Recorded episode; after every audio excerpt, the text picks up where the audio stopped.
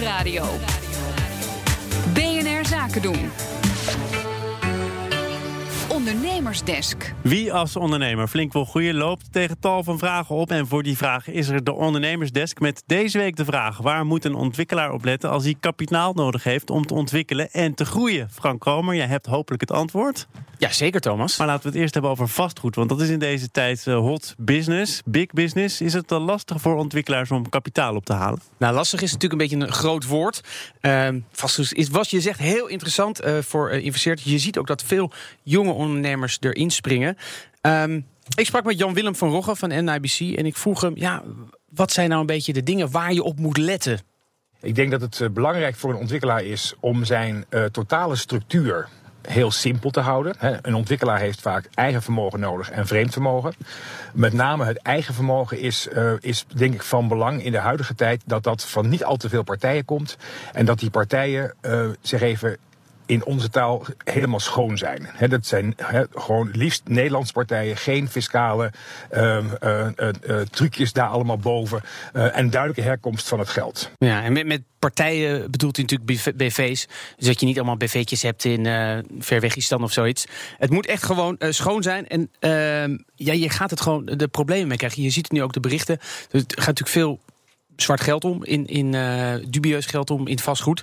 Dus uh, wil je financiering ophalen, moet je helemaal schoon zijn. Het klinkt heel simpel. Ja, precies, vanzelfsprekend. Maar er is nu zoveel meer focus op. Dus da dat jij, als je dus voor fiscale reden een BV in een ander land hebt, dan is, gaat er al een beetje een uh, belletje rinkelen. Dus zorg ervoor dat die herkomst van je geld, ook al is het 100% clean, zorg dat het gewoon heel helder en schoon is. De selectie wordt alleen maar strenger, begrijp ik. Maakt ja. het nog uit over wat voor woningen we het hebben? Huur, koop?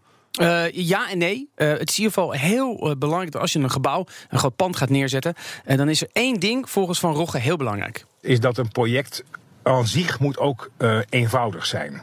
Dus als jij een project wil gaan doen voor bijvoorbeeld woningbouw, hou het dan zoveel mogelijk bij woningbouw en doe er niet winkels doorheen, kantoren doorheen, hotels doorheen. Dat maakt het ja, ingewikkelder.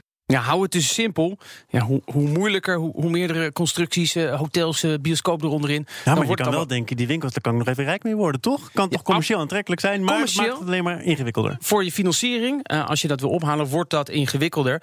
Um, Kijk, als je bijvoorbeeld een pand wil neerzetten en dat is alleen maar huur, zeker middenhuur, uh, ja, daar staan natuurlijk de geldschieters wel uh, voor te springen. De, de, vraag is daarna groot. Als je naar het luxe segment gaat, echt luxe huur, dan wordt het al wat moeilijker verhaal. Uh, je zou kunnen denken, ik ga een pand neerzetten met allemaal middensegment huur erin en die verkoop ik, voorverkoop ik al aan een, aan een grote investeerder, aan een belegger, institu institutionele belegger. Dat is natuurlijk handig. Nadeel is natuurlijk, ja, door die prijsstijgingen, kan je het nu verkopen, wordt het over drie jaar opgeleverd en is die prijs natuurlijk gigantisch al gestegen. Ja. Dus dan snij je jezelf een beetje beetje uh, in de vingers. Je kan daarnaast ook natuurlijk een pand neerzetten met verkoop. Maar ja, er zit natuurlijk ook een, uh, een risico aan. Een heel lang traject. Um, kortom, uh, het, het is een beetje wikken en wegen. Wat we zeker weten is, hou het dus simpel. Dit is de ondernemersdesk. Jij laat het meestal niet bij één tipje. Nee, er zijn er meer. Jij kent mij toch. jij kent me toch. Ivo, Van Rogge die had er nog wel eentje voor me.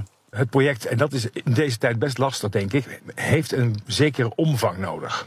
De meeste banken gaan niet een, een, project financieren van bijvoorbeeld uh, 3, 4, 5 miljoen. Daar zijn de banken gewoon momenteel te duur voor. Um, maar die willen een bepaalde omvang hebben. Dus zorg dat je die omvang ook hebt. En ik denk dat het, laatste wat van belangrijk is, zorg dat je op een gegeven moment met een financiële instelling uh, te maken hebt die snel kan schakelen. Omdat we heel vaak zien dat als daar heel veel tijd tussen zit, uh, je in de problemen komt met bijvoorbeeld bouwkosten, maar ook met je go-to-market van je te verhuren of te verkopen woningen. Ja, dus in principe, dat klinkt gek hè, maar een project van 20 miljoen, dat is makkelijker van de grond te krijgen dan een project van 2 miljoen. Al die kleine kameltjes hè. Precies. en dan het, hij zijn het bouwkosten. Dat is ook wel iets waar je op uh, moet letten. Want dat kan heel erg fluctueren. Dus als je nu geld ophaalt en je zegt, nou over een jaar gaan we beginnen. Hè, dan vraag je ook offerte op bij de bouwer. Dan zeg je, nou, dit gaat zoveel kosten. Als dan de bouw een jaar later gaat beginnen, dan zie je in heel veel gevallen dat die bouwkosten opeens 10, 20 procent hoger uh, liggen. Dus dan heb je een gat in je begroting. Fact of life, kan gebeuren. Ja, maar daar kan je dus niks tegen doen. Ik zei, is er niet een verzekering voor of iets? Nee, nee. Dus eigenlijk moet je dan gewoon heel snel bij je, uh, bij je geldverstrekker uh, langs kunnen gaan en zeggen: Oké, okay, ik heb toch een paar miljoen extra nodig. Volgens mij is ook een van de conclusies dat ondernemer nou eenmaal ook risico nemen is, toch? Zeker, maar het is wel grappig dat als je dus je kapitaal ophaalt en zegt, nou, dit is project, dit gaat kosten. En dan gaat het een jaar later van de start, zo lang duurt het met al die vergunningen en zo, dat het opeens een, uh, toch een ander prijskaartje hangt. Dankjewel, Frank Kromer. Ondernemersdesk over groei wordt mede mogelijk gemaakt door NIBC. NIBC, de bank voor ondernemende mensen.